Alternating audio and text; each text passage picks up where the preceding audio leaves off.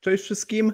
E, dzisiaj pierwszy odcinek Sprint Review, który będzie dotyczył stycznia i lutego, a dokładnie najpopularniejszych linków e, z naszego newslettera w tym okresie.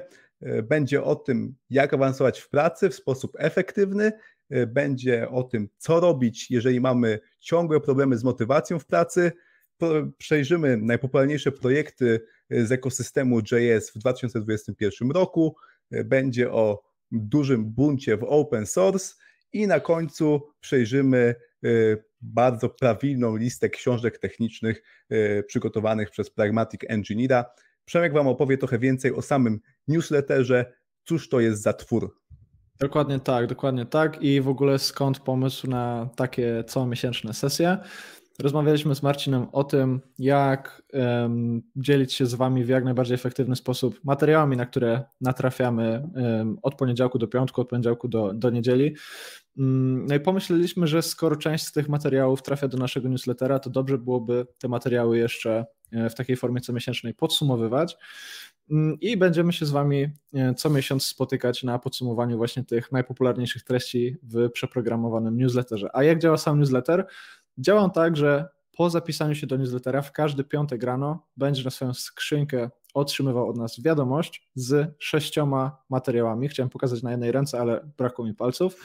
Także z sześcioma materiałami, z czego trzy będą dotyczyć naszego rozwoju w zawodzie programisty i engineering managera, dwa będą dotyczyć ogólnie rozumianego rozwoju i jeden to jest zawsze bonus, czyli moja albo Marcina zajawka na dowolny temat. I taką wiadomość otrzymujesz od nas przez przeprogramowany newsletter w każdy piątek. Zapewne jeśli są z nami już e, odbiorcy tego newslettera, to mogą pisać w komentarzach, czy warto, czy nie warto. Myślę, że te sygnały, które dostawaliśmy już do tej pory potwierdzają, że jest to wartościowy materiał, a przez takie comiesięczne spotkania z Wami będziemy chcieli Was do tego przekonać i tak naprawdę podyskutować sobie o tym, co dzieje się w branży, na świecie i po prostu wokół nas.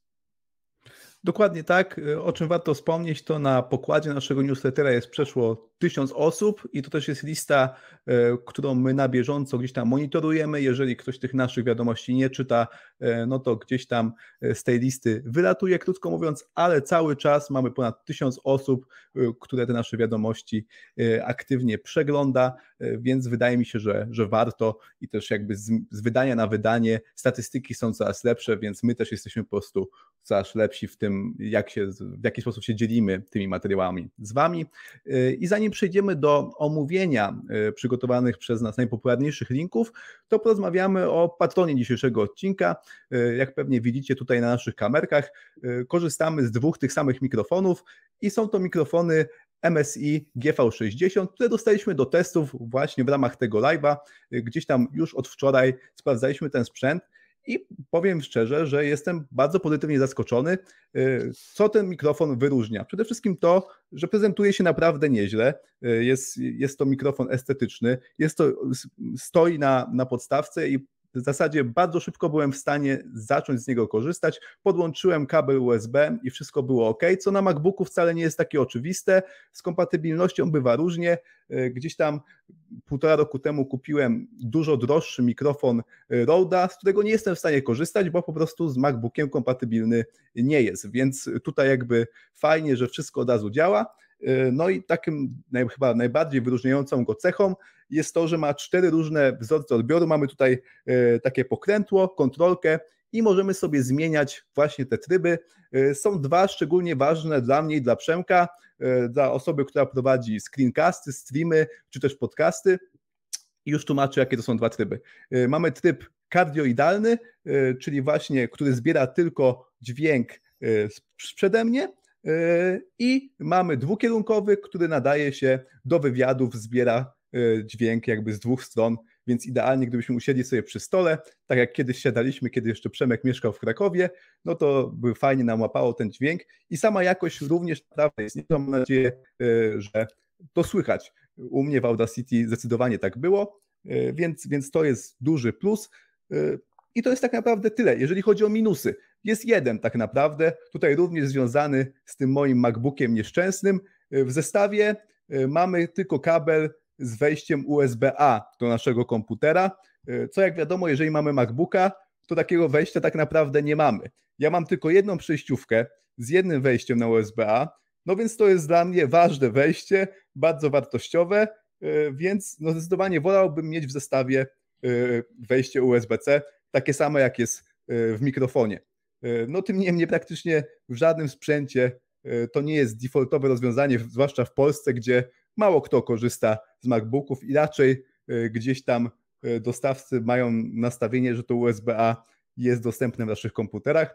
No więc to jestem w stanie MSI wybaczyć. O czym jeszcze może warto wspomnieć, jeżeli zależy nam na odsłuchu, to możemy sobie przez jacka słuchawki podłączyć. Odsłuch jest w czasie rzeczywistym, więc spoko. Mamy również gdzieś tam gwint, jeżeli mamy jakieś ramię, uchwyt, do którego chcemy ten mikrofon podłączyć. Więc naprawdę fajny sprzęcik. Dzięki MSI za dostarczenie go do testów. No i chyba lecimy z przeglądem Przemku. Dokładnie tak, dokładnie tak. Myślę, że moglibyśmy zacząć od zademowania tego, czym ten nasz newsletter tak naprawdę jest. Zanim przejdziemy do tych najpopularniejszych materiałów ze stycznia i lutego, chciałbym jeszcze udostępnić kartę tak, żeby wszystkim tutaj, którzy nas oglądają, e, zaprezentować, czego można się spodziewać, a będzie to właśnie to nasze ostatnie wydanie które jest już dostępne na Substacku, bo właśnie tutaj e, wylądowaliśmy. Przeprogramowana nowa era, nowa era.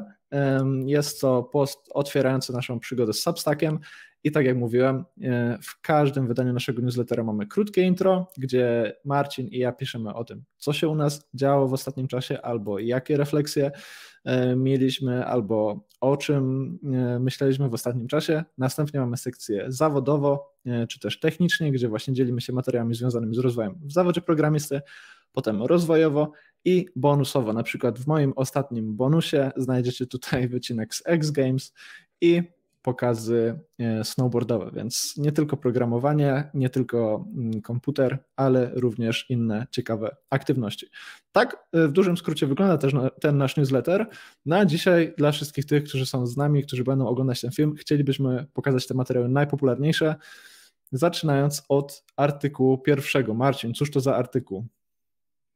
E, to jest artykuł, który opowiada właśnie o tym, jak tak naprawdę radzić sobie dobrze w pracy, poprzez zrozumienie tego, czego oczekuje od nas e, organizacja, jaka jest też taka po prostu dynamika w firmach technologicznych. Bo często jako programiści narzekamy, że o, nikt się nie interesuje długiem technicznym. Nie? Ja tu po prostu mam takie nastawienie na najlepsze praktyki, na testy, a nikt jakby tego nie dostrzega, nikt mnie za to nie chwali, nikt mnie nie awansuje, e, po prostu nie dostaje fajnych podwyżek, nie dostaje gdzieś tam wjazdów na wyższy level. I z czego to wynika, co jest z tymi moimi e, pracodawcami nie tak, e, jak żyć. I, i gdzieś tam ludzie po prostu na Twitterze narzekają, i tu jest gdzieś tam artykuł, który swoją drogą był najpopularniejszym artykułem właśnie w zeszłym miesiącu, co, co też chyba pokazuje, że wielu osób może mieć taki sentyment, y, albo gdzieś tam się z takim sentymentem spotyka y, wśród swoich kolegów z pracy. Y, I, i tu jest no, bardzo taka dogłębna i moim zdaniem trafna analiza tego, w czym rzecz. Może Przemek gdzieś tam uronisz, uchylisz rąbka tajemnicy. Dokładnie tak. No tutaj już na samym wstępie widać tak naprawdę, jak jest klucz tego artykułu a mianowicie chodzi o to, że możesz albo narzekać i wręcz no, krzyżować się, albo jakiś, robić jakiś pontyfikat na Twitterze związany z tym, jak y, to nasze industria, jak ta nasza branża IT powinna działać, albo możesz się skupić na rzeczywistości. Możesz spróbować zrozumieć tą rzeczywistość wokół ciebie, to znaczy strukturę organizacji, rolę organizacji, zależności pomiędzy poszczególnymi rolami w organizacji i możesz się optymalizować właśnie na to. Więc to jest naprawdę ogromna różnica i Wydaje się, że z jednej strony jest to banał, bo tak naprawdę każdy chce się poruszać w tym środowisku, e, w którym pracuje e, w jak najlepszy sposób, ale wydaje mi się, że sama ta uwaga o tym, że właśnie gdzieś tam te social media to jest jakby taka, taka jedna wersja świata, a rzeczywistość to jest druga wersja świata, no myślę, że daje do myślenia. I często łapiemy się na tym, że jakby żyjemy w tej bańce, w ty, z, tym, z tym powiedzmy takim wishful thinking, to znaczy chcielibyśmy, żeby coś wyglądało tak, a nie inaczej, a nie poświęcamy odpowiedniej ilości uwagi temu, jak w rzeczywistości organizacje działają. No i na pewno jako programiści mamy troszkę na sumieniu, też nie jesteśmy e, tymi, którzy jakby są zawsze najbardziej otwartymi, jeśli chodzi o współpracę na projektach. No i właśnie ten artykuł traktuje o tym, to znaczy jak bardzo kluczowe jest budowanie relacji, jak bardzo kluczowe jest zrozumienie hierarchii, jak bardzo kluczowe jest zrozumienie kultury firmowej, tak, w e, kierunku z góry na dół i z dołu do góry, czyli wszystko to, co tak naprawdę czasami może wydawać się nudne albo nieatrakcyjne, no ale tak naprawdę pewnie Marcin się zgodzimy, że tamta jakby siła i wartość często leży. Zgadza się, tam zresztą jak zeskrolujesz trochę niżej, jest taka bardzo fajna e, lista tych rzeczy, na które faktycznie e, powinniśmy, o tutaj, zwracać uwagę. E, jak widać, na tej liście również są tematy związane z umiejętnościami technicznymi, z wiedzą, ale też bardzo dużo jest tych wszystkich nudnych rzeczy, o których tak często opowiadamy na naszym kanale. I to nie jest przypadek. To, to gdzieś tam naczytaliśmy się mniej lub bardziej mądrych książek i, i te wątki również się przewijają tam, że tak naprawdę w organizacjach, w firmach bardzo często gdzieś tam zdolność radzenia sobie z, z jakąś niejasnością, nieoczywistościami, wszelkiego rodzaju budowanie relacji z ludźmi, e, zrozumienie tego, co jesteśmy w ogóle w stanie osiągnąć w danym czasie z danym zespołem. To wszystko są często ważniejsze umiejętności niż znajomość najnowszej wersji React Remix nie? I, i po prostu narzekanie, dlaczego ja nie mogę jej użyć w mojej pracy, e, gdzie po prostu e, korzystamy z Vue albo Angulara. Nie? To, tak, to jakby jest coś, co naszego pracodawcy kompletnie nie interesuje. To nawet nie jest tak, że to mało go interesuje, tylko praktycznie wcale. Nie? E, wtedy jesteśmy takim e, klasycznym programistą z gredem, e, który tylko narzeka, jeszcze na do końca niezrozumiałe tematy. Nie? Tak, tutaj warto też powiedzieć o tym pierwszym punkcie, który wcześniej udostępnialiśmy, a mianowicie takim, że nawet jeśli mówimy o tych skillach twardych, o tych skillach technicznych, to tutaj je też można wykorzystywać na 100 różnych sposobów tak naprawdę. Znaczy można iść jakby z prądem, próbując w pewnym sensie wpływać na otoczenie, ale nie, nie być taką tamą, która chce jakby wszystko realizować po swojemu, albo no właśnie można iść tą ścieżką rewolucjonisty, tak, która pewnie gdzieś tam może potencjalnie przynieść jakieś większe benefity, no ale jest o wiele, wiele bardziej bolesna i ryzykowna, tak, więc, więc nawet jeśli chodzi o te umiejętności twarde, jeśli, jeśli słuchacie tego i stwierdzacie, kurczę, ja nie chcę się bawić w te wszystkie historie poza kodem, to nawet tutaj jest spory potencjał do tego, żeby pracować w jakiś inny sposób. Nie? Więc ważne jest to w ogóle, co sprawia, że firma zarabia pieniądze, tak? Przez jakie aktywności ta firma zarabia pieniądze, w jaki sposób tą technologią czy kodem mogę te pieniądze generować.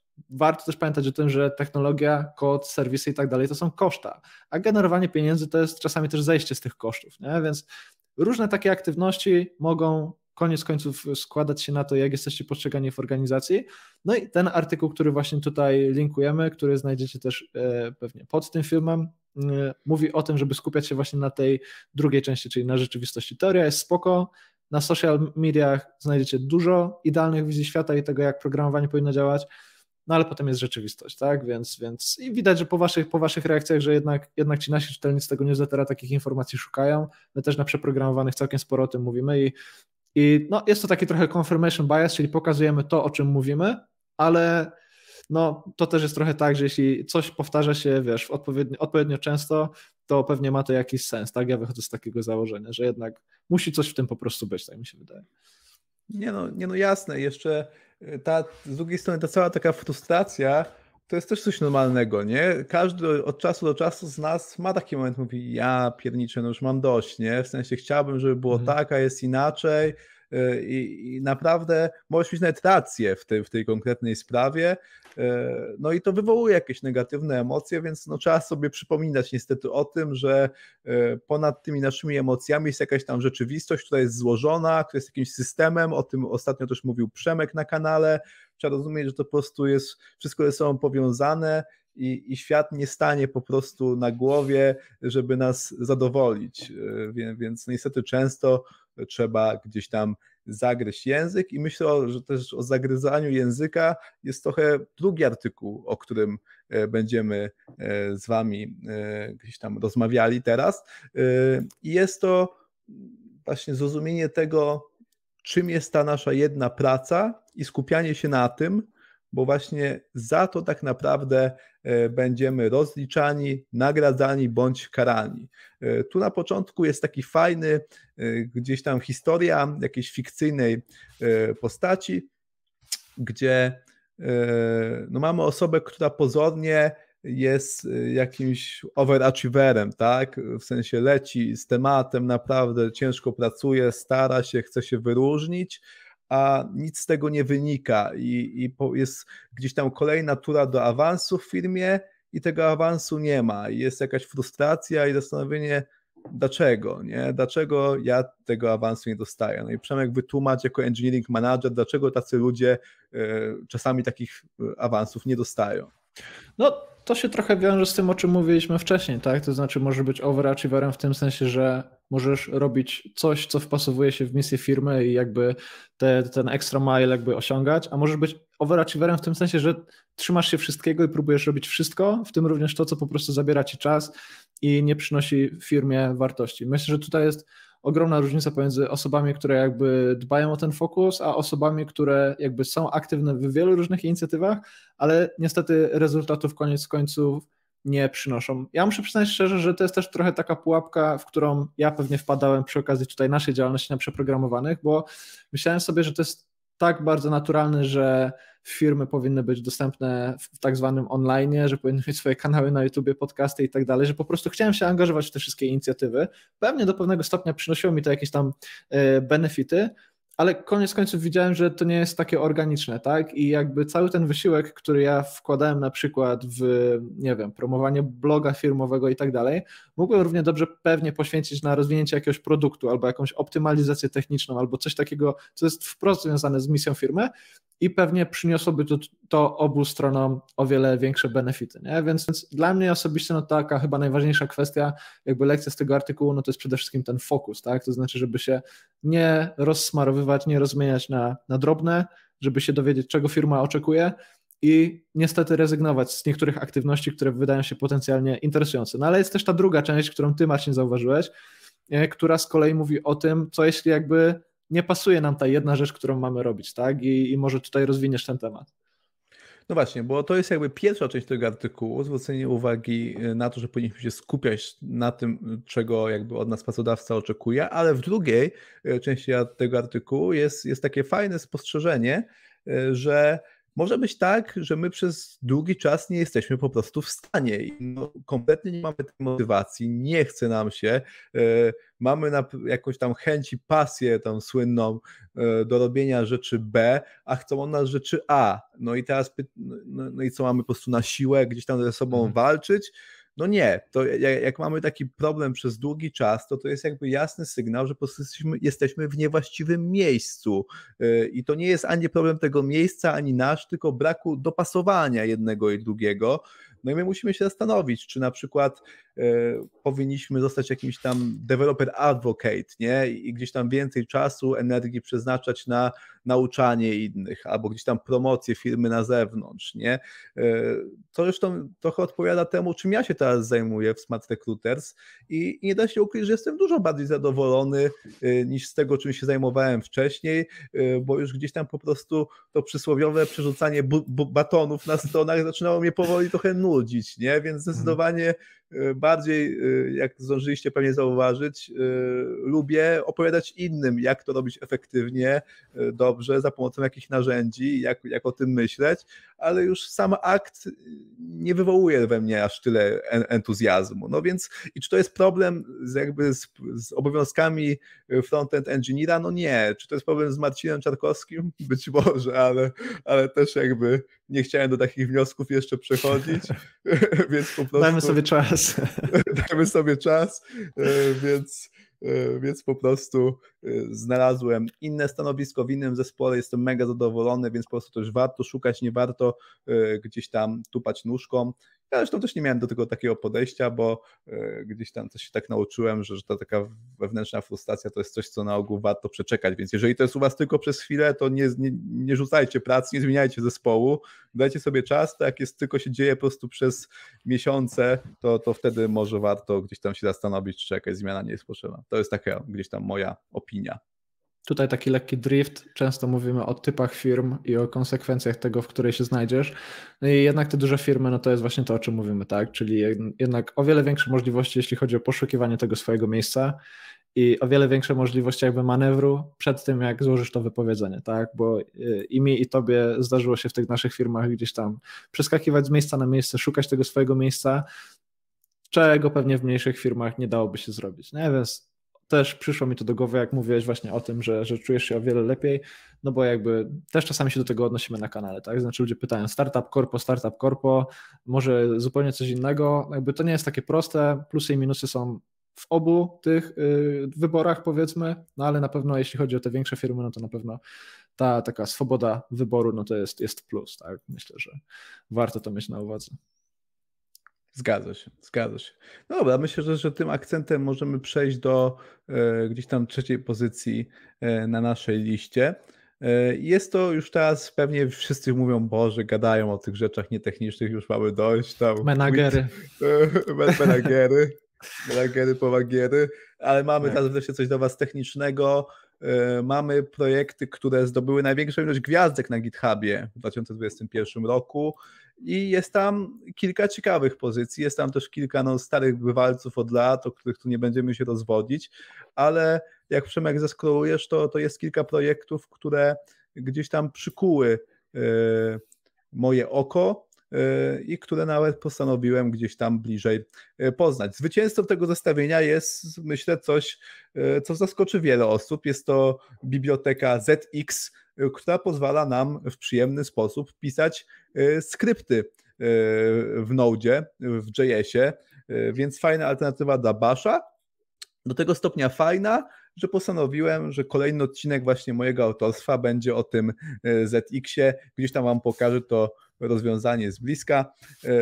Wygląda to naprawdę nieźle. Ja gdzieś tam w pierwszej i drugiej pracy dużo skryptów w Bashu pisałem, automatyzujących jakieś zadania pokroju tworzenie backupów bazy danych, y, tego typu historie, y, a tutaj możemy zrobić to w JS, no więc wiadomo dużo przyjemniej, y, Bash mimo że bardzo gdzieś tam potężny, to niespecjalnie przyjemny jest to język, moim zdaniem. Nie wiem, jakie ty, czy tam Przemek masz jakieś większe doświadczenie z Bashem i przemyślenia na jego temat. Podobnie, podobnie.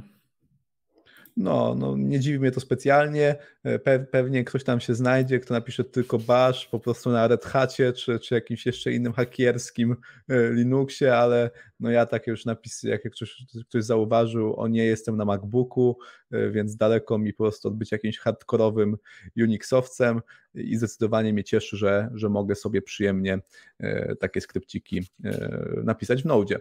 Dobra, co tam jeszcze dalej na liście?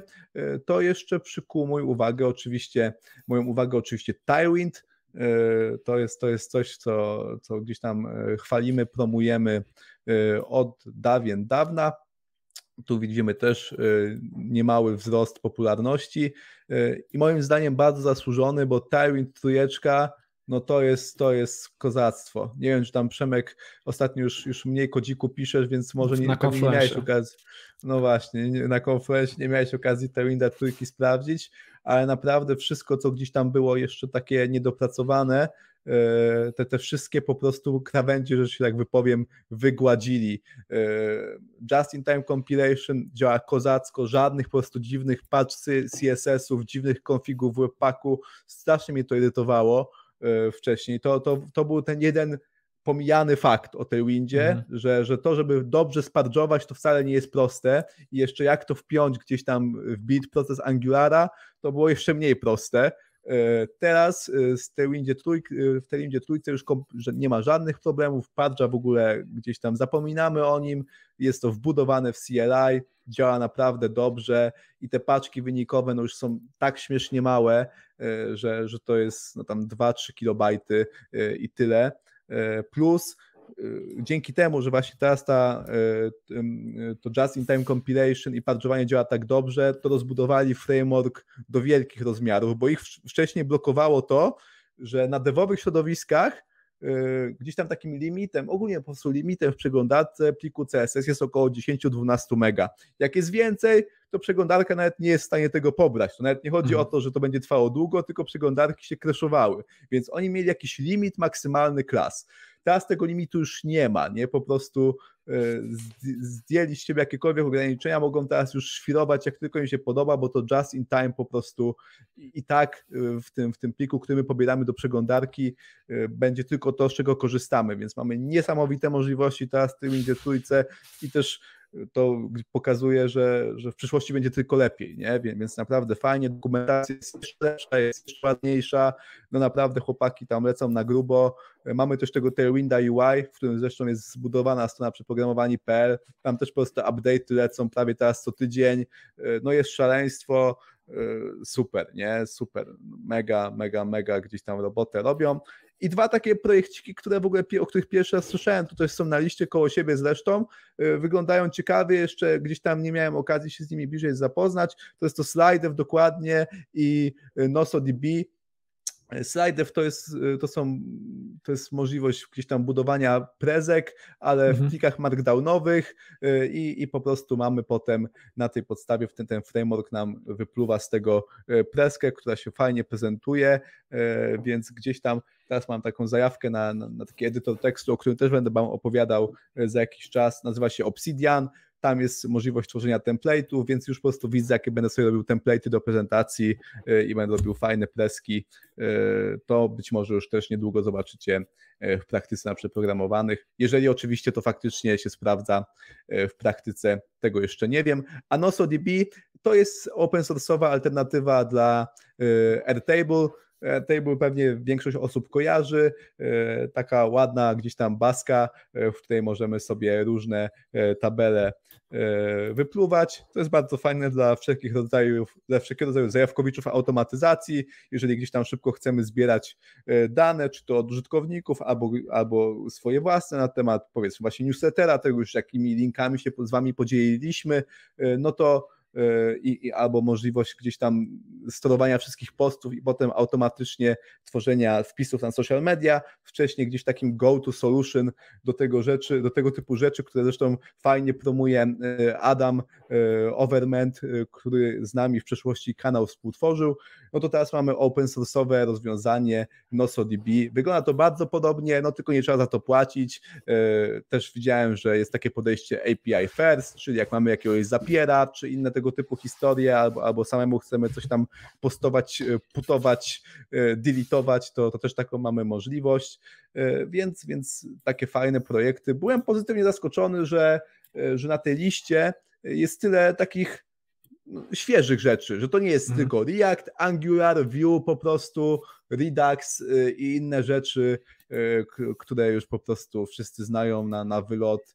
I to wiadomo, że to jest coraz popularniejsze, no bo, bo nowi ludzie gdzieś tam uczą się programować, tylko fajne, zajawkowe, open source'owe projekty i też nie na etapie pierwszego wpisu na Twitterze i wszyscy uuu, ale ekstra, tylko to już są naprawdę dojrzałe rozwiązania, wygląda to nieźle, y, nic tylko gdzieś tam się, się w to zagłębiać. A propos tych narzędzi, nie wiem, czy, czy miałeś już okazję zerknąć na State of JS, e, podsumowanie ubiegłego, ubiegłego roku. E, już jest? Są wyniki? Tak, mogę tutaj udostępnić. Coś niepokojącego no dzieje się z Angularem, bo zainteresowanie tym frameworkiem, tutaj pewnie kwestia marketingu głównie wchodzi, mm, spada. Okay, okay. Z miesiąca na miesiąc, ale to jest pewnie temat na zupełnie inny film. No możemy tutaj kilka minut nad tym spędzić. E, patrzymy chociażby na biblioteki frontendowe. E, satysfakcja, zainteresowanie, usage. No to jest właśnie ciekawe, nie? Czyli jeśli chodzi o usage, mamy dwóch liderów, natomiast jeśli chodzi o zainteresowanie, to właśnie zauważyłem, że ten Angular gdzieś tam okay, niestety okay, okay. Pikuje, pikuje z roku na rok. No i no to jest też trochę jakby taka cecha chyba tego świadka frontendowego, nie? że jakby marketing u nas szczególnie mocno, myślę, szczególnie dużą rolę odgrywa. Yy, no i to chyba też, Marcin, tutaj się zgodzisz, to chyba też było coś, czego twórcy Angulara byli świadomi, nie? że jednak jak chodzi o ten marketing, jakby promo, w ogóle takie awareness e, w tym, w tym ekosystemie frontendowym, to zostali trochę z tyłu, nie? Nie wiem, czy się zgodzisz. Nie no, zdecydowanie sam gdzieś tam ulegałem kiedyś y, ofiarom mm, tego słabego marketingu. Myślałem, że to rozwiązanie jest y, dużo gorsze niż w rzeczywistości jest, nie? Y, słuch PR Anguera jest naprawdę słaby w praktyce jest to naprawdę fajnie dojrzałe rozwiązanie i też ma fajną roadmapę wreszcie, nie? To mhm. też nie jest tak, oni tam się trochę obudzili w zeszłym roku, dodali wreszcie dobre DevToolsy, bo wcześniej była lipa na, na jakichś tam open source'owych rozwiązaniach. Teraz, teraz jest, jest, są fajne Angular DevToolsy. No i jest naprawdę, e, są, są dwa grube itemy w roadmapie. Pierwszym są e, typowane formy, reactive formy, no czyli coś, na co wreszcie. ludzi czeka i to jest ogólnie reactive formy to jest coś naprawdę dobrego, w sensie mhm. jak, jak gdzieś tam przechodzisz ze świata Reacta i to zobaczysz, to tam klękniesz po prostu, nie? I mówisz, ja tam myślałem, że, że, że tam... Future. Tam, into no, the future. into the future, nie? Tylko 5 lat temu. Tak. E, no, więc reactive formy to jest coś kozackiego. Jak to będzie typowane, to już po prostu będzie tak kompletne i dobre rozwiązanie, no, no, no nic więcej gdzieś tam w, temacie formularzy na froncie nie potrzeba nikomu do szczęścia. A druga rzecz e, to te komponenty bez modułów, nie? Które, mhm. które też gdzieś tam niepotrzebnie e, podwyższają próg wejścia i sprawiają, zwłaszcza ja pamiętam na początku, jak się uczyłem Angulara, gdzieś tam rekrutując się do Smart Recruiters, to, to ciężko z tymi modułami mhm. było, w sensie sama koncepcja jest zrozumiała, ale w praktyce, żeby pamiętać, co tu trzeba zaimportować, co tu trzeba wyeksportować, to już jak człowiek z tego korzysta przez, przez te kilka tygodni, to to wszystko już jest całkiem łatwe i zrozumiałe, ale na początku to powoduje straszne niepotrzebne tarcie i jakoś tak może po prostu zniechęcać ludzi i ktoś mhm. powie, a tam jakieś dziwne, jeszcze jakieś dziwne błędy po prostu, a, a bez tego no to wydaje mi się, że to będzie wielka wartość, zwłaszcza do ludzi, którzy po prostu chcą sobie liznąć tego Angulara i zobaczyć o co z nim chodzi. Nie? Tak, no bo tutaj jest mm, też bardzo, bardzo dużą rolę odgrywa jakby kwestia backgroundu, no nie? bo na przykład jak gdzieś tam zaczynałem przygodę z programowaniem od C-Sharpa i tam wiesz, takie tematy jak na przykład namespace i w ogóle scope, to było coś, wiesz, od czego się tak naprawdę zaczynało zabawę i, i modularyzacja, to, że się coś dystrybuuje, masz paczki jakieś i tak dalej. No a na froncie o jakich namespace'ach mówiliśmy przez ostatnie lata, tak? O żadnych. No, moduły weszły -hmm. kil, kilka lat temu, tak? Dlatego na przykład właśnie jak ja się zabierałem za Angular, to dla mnie to było zrozumiałe, ale to jest, i podobnie miałem z klasami, ale to jest właśnie kwestia tego, że jak ktoś przychodził z zupełnie innego backgroundu, że tak powiem, po, po amerykańsku, to miał z tym trudności, no nie? Tak samo ja na przykład nie do końca rozumiem tą dyskusję o tym, że, te, że klasy są takie złe, ale jakby patrząc na to, z ilu stron możesz wejść do tego świata programowania, no to to jest właśnie konsekwencja, tak, że po prostu jeśli wchodzisz od strony czysto JS-owej, to z wielu tymi konceptami mogłeś nie mieć do czynienia i jakby Angular wydaje się, że to wszystko komplikuje, nie? Natomiast jak sobie trochę jakby poszerzysz horyzonty i zobaczysz, jak to wygląda poza frontem, to okaże się, że nie wiem, moduły są standardem, że klasy są standardem, że wiele różnych historii jest standardem, tylko po prostu trzeba te kropki zacząć łączyć, nie? No ale tak, jeśli chodzi o obniżanie progu wejścia, no to na pewno Angular miał, miał, miał trochę roboty do, do wykonania i fajnie, że za te komponenty, które można będzie od tak w teorii wrzucić do aplikacji, w końcu się wzięli. To jest temat na pewno gorący. No to jeszcze może mała dygresja o tych klasach, bo to mi się w ogóle wydaje, że to jest totalny bias yy, taki reaktowy, yy, tak. bo, bo klas, klasy same w sobie nie mają naprawdę nic złego w JS-ie. E, to, to jest typowo tylko, że te klasy w Reactie nie do końca się udały, do tego stopnia, że e, oni się z nich wycofali na, na rzecz e, funkcji, na rzecz, na rzecz hooksów, ale gdzieś tam z jakiegoś powodu, no pewnie z powodu tego, że jak to właśnie bywa gdzieś tam w tym świecie Reacta, ten marketing działa bardzo mocno na każdym możliwym po prostu polu i z jakiegoś powodu ekosystem JS-a zaczął hejtować klasy, bo one w Reactie się nie udały, ale to, to wcale nie znaczy, że one w Angularze się nie sprawdzają. One też zresztą bardzo fajnie się sprawdzają e, w technologii, którą teraz gdzieś tam e, poznaję bliżej, nazywa się LEAD. E, to również mhm. jest, jest technologia Google'a, tylko do web komponentów.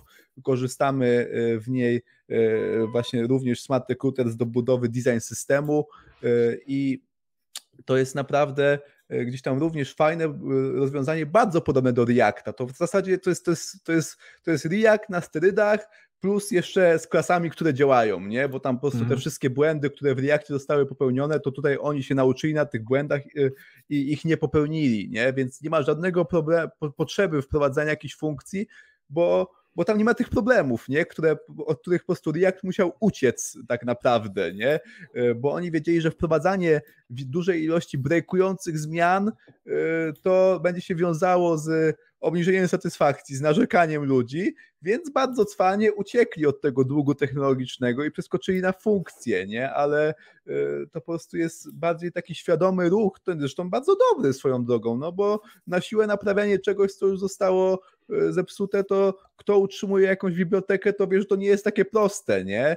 Bo to musi razu budować turę do migracji, ludzie mają bugi, są issuesy, jak możesz od tego uciec, to uciekaj, nie? I oni bardzo trwanie gdzieś tam przeskoczyli sobie na te funkcje, które, które działają dobrze, ale to nie znaczy, że z klasami samymi w sobie jest coś nie tak w JS-ie. No, nie ma żadnej wyższości moim zdaniem e, funkcji e, nad klasami, zresztą kto gdzieś tam JS-a zna bardziej dogłębnie, to wie, że klasy są realnie tylko e, synkta, jak to się mówi?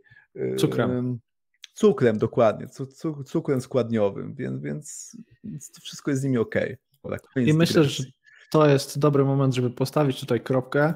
Ja może tylko przypomnę wszystkim tym, którzy są z nami, że partnerem, partnerem tego odcinka jest firma MSI, która nam dzisiaj dostarczyła sprzęt, a konkretnie mikrofon GV60, którego e, używamy do prowadzenia tej rozmowy, więc jeśli jesteście zainteresowani, to wejdźcie na stronę MSI i sprawdźcie ten sprzęt, bo chyba słychać, że naprawdę dobrze się sprawdza. Natomiast teraz przechodzimy do czwartego z pięciu przygotowanych dzisiaj materiałów, a konkretnie do rewolucji w świecie open source. Marcin, może jakieś intro? E, no i to jest takie, to, to było gdzieś tam e, głośne wydarzenie. E, pewnie część z Was o nim słyszała na mniejszym lub większym poziomie gdzieś tam detali. Chodzi o to, że twórca dwóch bardzo popularnych bibliotek z ekosystemu JS-a, mianowicie Colors i Faker, umyślnie gdzieś tam zasabotował swoje rozwiązania, wprowadzając infinite loopy, wprowadzając e, jakieś tam printowanie z tego chyba co kojarzę flagi amerykańskiej, tak, mhm, do, tak. E, do, do konsoli, e, gdzieś tam w pokazaniu swojego, w celu pokazania swojego niezadowolenia w związku z tym, no, że on tyle gdzieś tam czasu, energii poświęca na rozwój tych wydarzeń, tych, tych rozwiązań, a nie dostaje za to żadnych pieniędzy, żadnych propozycji w ogóle zapłaty, Y, i też tak naprawdę chyba nawet żadnego realnego gdzieś tam szacunku y, i uznania, nie? Dokładnie tak i no trzeba powiedzieć, był to bold move, tak jak ten artykuł tutaj mm, to y, nazywa, był to naprawdę gruby i poważny ruch, no bo teraz trzeba by było rozpocząć całą debatę na temat jakby, no nie wiem, konsekwencji tego wszystkiego, jakiejś takiej moralności w świecie open source, tego czy autorzy bibliotek, z których korzysta tak duża ilość programistów mogą robić coś takiego, powinni coś, robić, powinni coś takiego robić, czy na pewno może nie ma jakichś innych sposobów na, nie wiem, jakieś takie zamanifestowanie e, powiedzmy swoich poglądów. Tutaj warto wspomnieć, że nie chodziło jedynie o jakby kwestię dystrybucji tych bibliotek, tak? bo tutaj chodziło też o jeden konkretny przykład, a mianowicie o, o historię Arona Swartza, jednego ze współtwórców tak. Reddita, który niestety popełnił samobójstwo po tym, jak e, został zaangażowany w śledztwo Mm, został tak naprawdę oskarżony o, o wykra wykradzenie zbioru artykułów naukowych. E, był to Czyli, gość, znaczy, który... z, tego, co, z tego, co ja wiem, on to zrobił, nie? To w sensie to, to nie było tak, że, e, że ktoś go oskarżył, tylko faktycznie e, gość gdzieś tam się włamał do sieci uczelnianej i, i, i udostępnił chyba na torrentach czy, czy w innym miejscu mhm. te, te, te wszystkie publikacje gdzieś tam w, w, imię e, wolności dostępu do informacji, e, bo, bo takie gdzieś tam taka ideologia i cele e, mu, mu przyświecały, no ale dostał absurdalne gdzieś tam po prostu zarzuty, chyba groziło mu dożywocie, albo jakaś tam po prostu absurdalnej wysokości kaucja, no i on po prostu przytłoczony tym wszystkim no, postanowił gdzieś tam zakończyć swoje życie, a e, był, był gdzieś tam, no, był jeden z twórców Reddita, młody chłopak i, i naprawdę dobry uczeń, e, to no masakra, nie, żeby do takiej sytuacji e, doprowadzić. No jedna z takich osób, które były na pewno takimi role modelami, powiedzmy liderów ruchów takich powiedzmy hakersko-open source'owych, osoba, która walczyła właśnie o dostęp do informacji.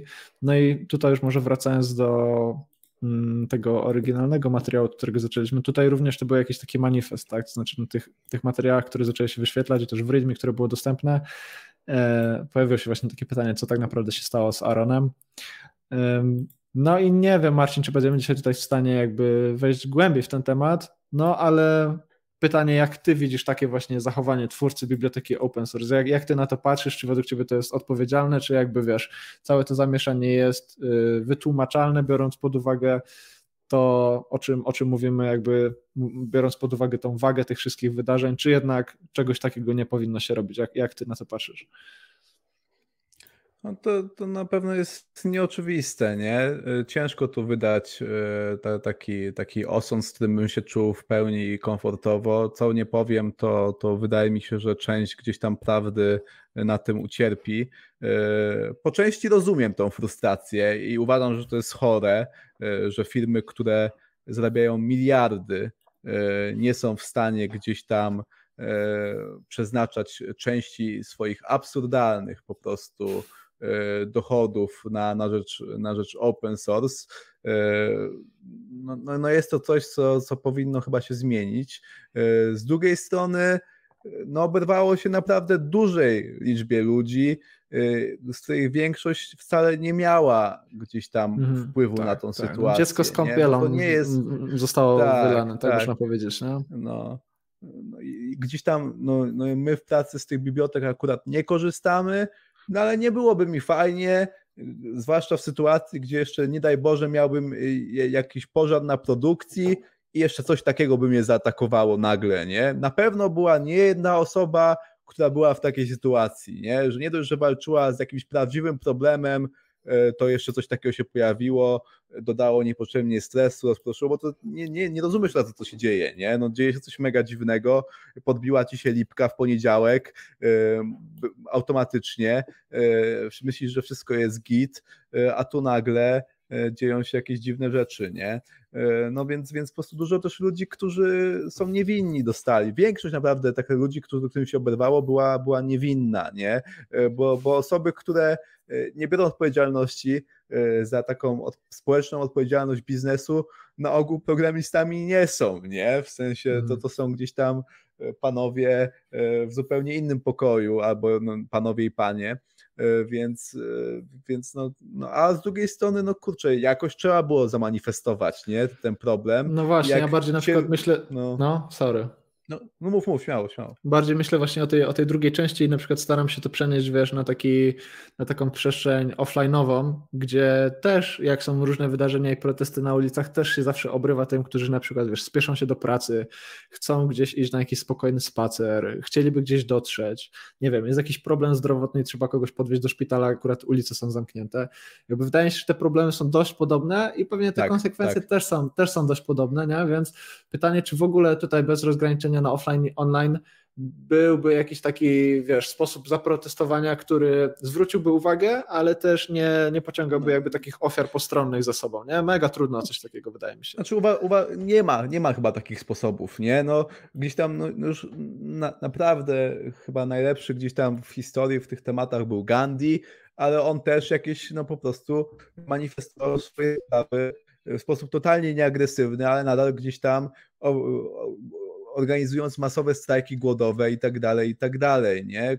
które też pewnie no po prostu miały mniej lub bardziej negatywny wpływ na, e, na społeczeństwo. Nie? No to jakoś tam trzeba, e, jak, jak są tego typu sprawy, że ktoś przy władzy ignoruje e, potrzeby tych, którzy tej władzy nie mają, no to, no to często po prostu gdzieś tam w ten sposób trzeba działać. Zresztą świetny teraz mamy przykład w świecie offline, jest ten konwój wolności w Kanadzie, no tam, tam również e, no gdzieś tam są, są straty na poziomie e, setek milionów dolarów e, przez ich działania, no ale z drugiej strony jest to całkowicie pokojowe w sprawie, która wydaje mi się, że jest dla wielu osób ważna, zrozumiała. Ciężko gdzieś tam powiedzieć, kto, no nawet nie da się właśnie powiedzieć, kto tu ma rację, tak naprawdę. No i czy można ludziom odbierać w społeczeństwie demokratycznym prawo do jakiegoś protestowania? Moim zdaniem nie. E, no, no więc, więc, e, więc no to wszystko jest takie e, nieoczywiste. Tym niemniej, no gdzieś tam warto pamiętać, najlepiej po prostu być na tyle odpowiedzialnym, żeby do tego typu sytuacji nie doprowadzać, nie? Więc wydaje mi się, że my jako programiści, może którzy nie obracają setkami milionów, miliardami i po prostu nie mamy wpływu na to, gdzie idą pieniądze z budżetów naszych firm, możemy chociaż brać tą odpowiedzialność, żeby zamiast otwierać kolejnego issuesa i pisać o fix this, improve that, to otworzyć tego PR-a i, i poświęcić jakiś czas swojego, e, swojego życia, swojej energii e, i też po prostu porozmawiać, bo mówię, ale nie mam czasu na to, no to, to, to, to załatw sobie czas, pogadaj z, z produkt managerem, nie? Pogadaj z zespołem, że tu trzeba po prostu w lipce coś zmienić i zrób to, nie? A nie zwalaj odpowiedzialności na jednego gościa, który chciał zrobić coś fajnego e, dla nas 5 lat temu i gdzieś tam potem E, goniony poczucie, jakieś poczucie po prostu e, winy i, i, i który to robi dalej, mimo że już tego nie chce, nie? A, jest, a jest po prostu, e, czuje się uwięziony tak naprawdę, że jest jakimś po prostu zakładnikiem sukcesu swojego roz, rozwiązania, nie? Więc myślę, że to jest taka trochę lekcja dla nas, że my jako programiści po prostu też powinniśmy większą odpowiedzialność za ten open source brać. Dajcie znać, y, co wy myślicie o tej sytuacji. Mamy sporo osób, które przysłuchują się tej naszej rozmowie. Jestem mega ciekaw, czy też was ten problem spotkał, czy korzystacie z tych bibliotek, mm, czy może w ogóle popieracie taką formę protestowania. Dajcie znać, dajcie znać, bo to jest y, rozmowa i jesteśmy w stanie tutaj te wasze komentarze udostępniać. Jeden mamy komentarz, który mówi, że patologia, no ale może macie mm, inne, inne, inne spojrzenia, no i, i dajcie znać, co myślicie. Znaczy to, to jakby komentarzem patologia jest to, że, e, no tak. że sytuacja w bibliotece Jazz, no bardzo popularnym mm. w, gdzieś tam w frameworku testowym, e, zresztą Facebook się bardzo często chwali i tak jest, jest, jest praktycznie Jazz by Facebook, nie? Tak, tak to jest brandowane rozwiązanie, a jak się okazuje, i co ciekawe, ja dosłownie chyba wczoraj czy przedwczoraj E, również trafiłem na tą dyskusję na GitHubie, e, gdzie jak się okazało, z Facebooka tam już nikt po prostu nie kontrybuuje od lat e, i głównym maintainerem jest, jest gość, który w Facebooku nigdy nie pracował i on po prostu jak zniknął na kilka miesięcy, bo już miał po prostu dość, to biblioteka stanęła w miejscu, nie? E, więc, e, więc no to kurczę, to trochę pokazuje, że nawet gdzieś tam firmy, które słyną z open source, tak, e, że no mamy hmm. Facebooka, który gdzieś tam zbawił po prostu JavaScript Reactor i powinniśmy się do tak. niego modlić o, o gdzieś tam rozwiązaniach już mniej seksownych, jak framework testowania, szybko zapomina, nie? Więc, więc no, to, to jest kurczę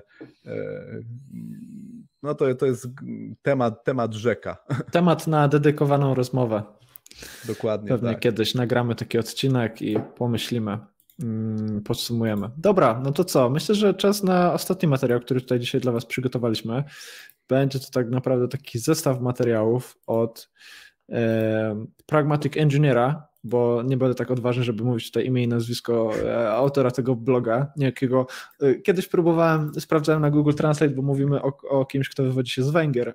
E, sprawdzałem mm. na Google Translate, jak wymawia się to imię i nazwisko, ale nie zaryzykuję teraz, więc Marcin, może tutaj zrób zajaweczkę, a ja udostępnię ekran. Zajaweczka jest taka, że kurczę, naprawdę chciałem Gergely, no, no też net, to jeszcze Oroż to jest, o, Gorgoj, jest Gergi? Go, go, Grzegorz, Grzegorz, e, Grzegorz tutaj Porosz. E, przygotował kolejny świetny artykuł, jeden z wielu tak naprawdę na tym, na tym blogu. Pragmatic Engineer to jest, to jest miejsce, na które warto gdzieś tam zaglądać i też warto się moim zdaniem zapisać na newsletter tego pana, również na Substacku. Nie da się ukryć, że on był gdzieś tam dla mnie głównym inspirac inspiracją, żeby, żeby tego naszego newslettera na ten e, serwis przenieść, e, bo, bo widziałem, że u niego fajnie się to sprawdza. E, no już jakby wracając do brzegu, mamy tutaj artykuł z naprawdę ciekawym zestawieniem wybitnych książek, myślę, że można śmiało powiedzieć. E, mamy tutaj te książki podzielone na kategorie. To też nie jest jakaś e, po prostu jego autorska lista, którą on sobie wymyślił. E, to jest lista, którą on skompilował na podstawie wątku na Twitterze, gdzie po prostu zapytał ludzi, e, jakie książki największą wartość wniosły i te, które gdzieś tam cieszyły się największą popularnością, znalazły się na tej liście.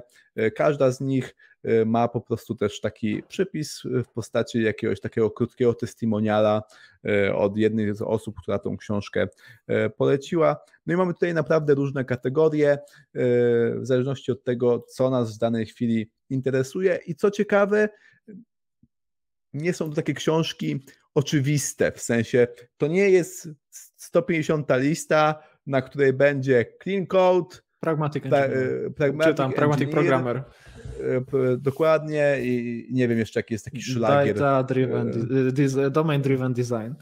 I domain driven design. Nie, to naprawdę jest, jest, jest, jest naprawdę dużo książek, o których istnieniu ja nawet nie miałem pojęcia. E, a kto gdzieś tam mnie śledzi na Goodreadsie, e, to wie, że, że ja mam trochę problemy, bo, bo gdzieś tam tak jak e, stereotypowa kobieta lubi chodzić po galerii handlowej i oglądać ciuchy, tak samo ja lubię gdzieś tam latać po listach z rekomendowanymi książkami i dawać want to read na Goodreadsie, licząc, że gdzieś tam tą listę 1500 książek, która ciągle rośnie, kiedyś przeczytam. Mhm. A tutaj naprawdę było dla mnie wiele nowości e, i, i to są też bardzo często książki, które na, na tym Goodreadsie mają wysoką ocenę. Też to jakby nie jakieś byle co, tylko, tylko jakieś perełki e, wysokiej jakości, więc na pewno każdy z Was tutaj znajdzie coś dla siebie. Nie wiem, czy Przemek jest coś, co y, jakaś z tych książek, która, którą może czytałeś, a, właśnie jest mniej popularna, albo która też przy, przykuła Twój wzrok?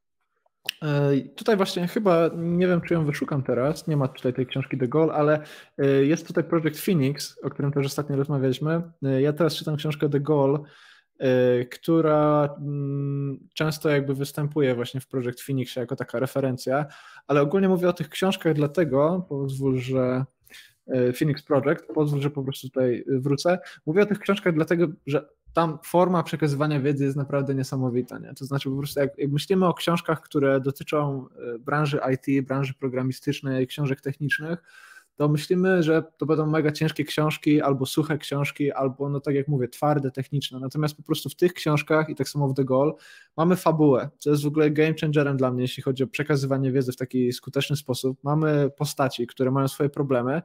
Jakby obserwujemy, jak te postaci rozwiązują te problemy, które my mamy w życiu codziennym, jakby przez, przez takie wszystkie historie autor próbuje nas czegoś nauczyć, nie? I akurat właśnie tutaj chciałem zwrócić uwagę na te dwie książki i właśnie na tego De Gaulle'a, którego teraz czytam, a właściwie słucham, bo to są takie książki, nie? Gdzie, gdzie słuchamy o, o, o problemach związanych z delivery, o problemach związanych z tym, jak dowozić szybciej y, coś, co ma więcej wartości dla klienta końcowego, ale tak jak mówię, no nie są to takie prezentacje w PowerPoincie, do jakich byśmy byli pewnie przyzwyczajeni, tylko ta forma tam odgrywa naprawdę dużą rolę. I, i, i w tym Degolu taki przykład z brzegu, w Degolu jest historia mm, plant managera, menadżera mm, fabryki, który zajmuje się optymalizowaniem produkcji, który to dostaje informację, że jego fabryka pracuje po prostu źle, nie są w stanie efektywnie pracować i za trzy miesiące grozi im zamknięcie. Mm, bohater musi się jakoś rozprawić z tym problemem, ale dlaczego o tym mówię? Ano dlatego, że w tej książce na przykład nie czytamy tylko o tym, jak optymalizować fabrykę, jakie są procesy i tak dalej, ale czytamy na przykład o problemach tej osoby, tego bohatera z żoną i z dziećmi na przykład, nie? Czyli czymś takim, o czym się mega często zapomina, mówiąc o tym, jak pracują ludzie w sposób efektywny, produktywni i tak dalej, bo wiadomo, nie mamy życia prywatnego, wszyscy tylko e, ciśniemy, ciśniemy, ciśniemy, a w tych książkach o tym wszystkim jest mowa, nie? Czyli po prostu, jak się powiedzieć, zażynam w pracy, to w życiu prywatnym zaczniesz mieć problemy. E, autor o tym mówi, bo te problemy to jest po prostu coś, co bezpośrednio będzie wpływać na Twoją pracę. Jestem zachwycony. Nie? Jeśli chodzi o taką surową formę, o to, jak się po prostu przekazuje wiedzę, e, to, to, to naprawdę te dwie książki i, i The Goal to jest coś, co warto sprawdzić. Warto sprawdzić. O, no. Dzięki wielkie za, za tą rekomendację, bo ja w zasadzie te książki mam na półce, e, ale jeszcze się za nie nie zabrałem. E, I, I, fajnie słyszeć, że, że, to jest, że to jest coś naprawdę udanego. Jeszcze jak sprawdzisz sobie, jak sprawdzisz sobie audiobooka The Goal na Audible, to nie jest to zwykły audiobook, tylko to jest słuchowisko. I masz tam podział na aktorów, masz tam podkład i na przykład masz e, takie fragmenty, gdzie na przykład bohater e, wchodzi do fabryki i na przykład, wiesz, słyszysz maszyny, słyszysz jakiś tam młotek, jakieś tam śruby i okay, tak dalej. Okay. Naprawdę, naprawdę spoko. Zaraz tutaj udostępnię, bo właśnie ktoś, o, ktoś pyta o autora. Więc, więc to tyle ode mnie. Pytanie, pytanie, co ty byś polecał z tej listy? Wiesz co, na pewno gdzieś tam widziałem e, Staff Engineer, e, Leadership Beyond Management Track. To jest książka, mhm. którą gdzieś tam dosłownie skończyłem e, może z miesiąc, dwa temu i czytam ją teraz po raz drugi. Do tego stopnia gdzieś tam fajnie oddawała wyzwania, które tak naprawdę są teraz przede mną w pracy. Czy, czyli gdzieś tam ta praca w zespole platformowym, E, jakieś tam tak naprawdę stanowisko związane z, z leadershipem technicznym. E, naprawdę, naprawdę fajna książka i dużą zaletą jest to, że nie bazuje tylko na doświadczeniach i na opinii autora, e, ale bazuje przede wszystkim na dużej ilości wywiadów, które ten autor przeprowadził z szeregiem osób na tego typu stanowiskach, no w firmach, których nikomu nie trzeba przybliżać, Stripe, Spotify, Uber, Microsoft, no naprawdę sama gdzieś tam śmietanka i ci ludzie gdzieś tam się e, odpowiadają na te same pytania i, i widzimy też jak bardzo tego typu role już powyżej tego seniora e, są mhm. zależne od e, kontekstu firmy, kultury organizacyjnej i, i też właśnie to jest, to jest taki fajny Y, sygnał, wydaje mi się, dla osób, które y, już czują, że, że z tej roli seniora powoli wyrastają, że jest naprawdę dużo miejsc, żeby znaleźć do siebie coś fajnego, nie? Kiedy już mamy to, to doświadczenie techniczne i też chęć brania na siebie takiej odpowiedzialności lidera, to, to naprawdę możemy gdzieś tam znaleźć miejsce dla siebie. Nawet jeżeli to nie jest w naszej obecnej firmie, gdzie może nawet po prostu nie ma tego typu stanowisk, no to, no to w innych firmach takie stanowiska znajdziemy i, i mając taki wgląd, jak to, jak to konkretnie wygląda w poszczególnych firmach, możemy po prostu znaleźć firmę, która jest dostosowana e, do naszych e, oczekiwań względem kariery. E, więc to jest na pewno coś takiego optymistycznego, no i dużo po prostu bardzo praktycznych rad jeszcze jak Jędrzej, y, Boże, Jędrzej, Przemek, y, jak dasz jeszcze software engineering, to, to wydaje mi się, że, że tam y, było, było więcej ciekawych pozycji dla programistów. Tak, książka o, jest filozof... Tak, tak. O tym też to jest książka, którą czytałem w zeszłym roku. Przemkowi o niej opowiadałem. Philosophy of Software Design. Bardzo ciekawa książka, krótka, zwięzła, która mówi o podobnych tematach co Clean Code Uncle Boba, ale w wielu, wielu tematach stoi w opozycji e, do, do tej książki e, i ma przekonujące, przekonujące argumenty. Nawet jeżeli gdzieś tam jesteśmy diehard fanami Uncle Boba, to warto ją przeczytać, żeby poznać inną perspektywę o, o konkretnych argumentach i żeby zrozumieć, że naprawdę wiele rzeczy jest opinią to, to, to było dla mnie takie e, gdzieś tam budujące się, bo jak ktoś naprawdę przekonująco nam coś powie, to nam się wydaje, że usłyszeliśmy prawdę na ten temat mm. i że to jest jakieś prawo fizyki, w sensie tak jak gdzieś tam zasady clean code w temacie pisania kodu, że to jest naprawdę tyle w tym temacie można powiedzieć i koniec. No jak się okazuje nie do końca, że to to są dobrze przemyślane opinie, ale nadal tylko opinie i można dobrze przemyśleć opinię tak naprawdę gdzieś tam przeciwstawną. A propos tego, y, to jest ciekawe, bo ostatnio miałem mega, mega podobną refleksję. Tutaj czytałem sobie czasami Polityko, wpadłem ostatnio na ten portal, jest trochę lepszy niż, niż, niż wszystkie tam sieciówki i najpopularniejsze portale w Polsce, żeby tutaj nie robić żadnej reklamy. I właśnie y, pomyślałem, że takie oznaczanie artykułów, jak właśnie na przykład wprost opinia, jest mega użyteczne, jest czymś, czego mi mega brakuje w tym naszym polskim internecie, bo bardzo łatwo właśnie mieszać y, opinie z faktami, z informacjami i z tego, co kojarzę, powiedzmy, bazując na takim moim doświadczeniu, często u nas takich oznaczeń brakuje, nie? a często te opinie są mocne, nie? tak jak na przykład tutaj, że czas na jakiś nowy deal pomiędzy na przykład Europą i Afryką, cokolwiek, tak, i wiesz, ktoś tworzy taki artykuł, zaraz ląduje na wykopie Reddicie i tak naprawdę zaczyna się cała fala tam na przykład y, na jakiś, nie wiem, jakaś burza się zaczyna na przykład w związku z czymś. No, nie? no i pomyślałem sobie też jako taka, taka, jako taka mała dygresja, że fajnie by było u nas na tych naszych portalach widzieć więcej takich oznaczeń i mm, po prostu podsumowywać te swoje przemyślenia po prostu w taki sposób jako, jako opinia. Nie? Tak, zwłaszcza w dzisiejszych czasach, jak gdzieś tam wydajemy opinie e, na temat e, wojny, e, po prostu z Rosją, tak. też również to przedstawiając jako fakty i to nie jest problem tylko Polaków, a jak się okazuje chyba i bardziej Amerykanów w dzisiejszych czasach, więc, więc no, no to, jest, to jest bardzo gdzieś tam mądre to, co mówisz. Więc bardzo polecamy tą listę, bardzo polecamy, bardzo polecamy bloga. I co? I to chyba tak naprawdę tyle w, nasze, w temacie naszego sprint review. Przypomnijmy raz jeszcze, a to dlatego, że jesteśmy bardzo zadowoleni z tego, co nam do testów przysłano, że dzisiaj testujemy mikrofon MSI GV60, mikrofon USB typu C, ma cztery tryby odbioru dźwięku, Dwa są bardzo fajne dla osób, które bawią się w takie rzeczy jak my, czyli podcasty, streamy. Mamy gdzieś tam odbiór tylko z przodu, jeżeli mówimy sami mamy odbiór z dwóch stron do wywiadów. To jest coś, co ja gdzieś tam szczerze powiem, będę się zastanawiał nad zakupem. Y, zdecydowanie mikrofon lepszy od tego, y, który obecnie posiadam, a również w całkiem atrakcyjnej cenie. Widziałem w internecie, że lata około 550 zł. Y, to jeżeli chodzi o mikrofony tego typu jakości, to jest naprawdę dobra cena.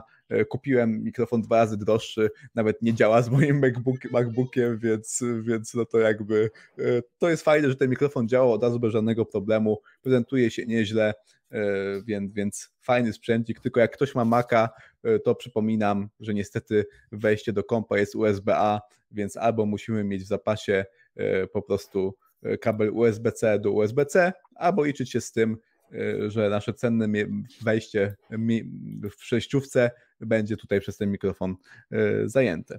Więc, no i... więc to jest tak naprawdę jedyny minus tego rozwiązania dla mnie. I tym akcentem będziemy kończyć to nasze dzisiejsze spotkanie. Zapraszamy na naszego Substacka, przeprogramowanie substack.com. Tam co piątek użyteczne, wartościowe materiały związane z rozwojem, ale też bonusy, różne ciekawe zajawki, na które wpadamy e, w ciągu tygodnia.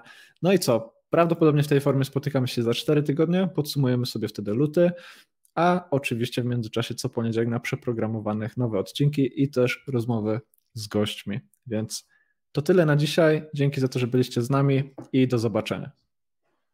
Do zobaczenia, cześć.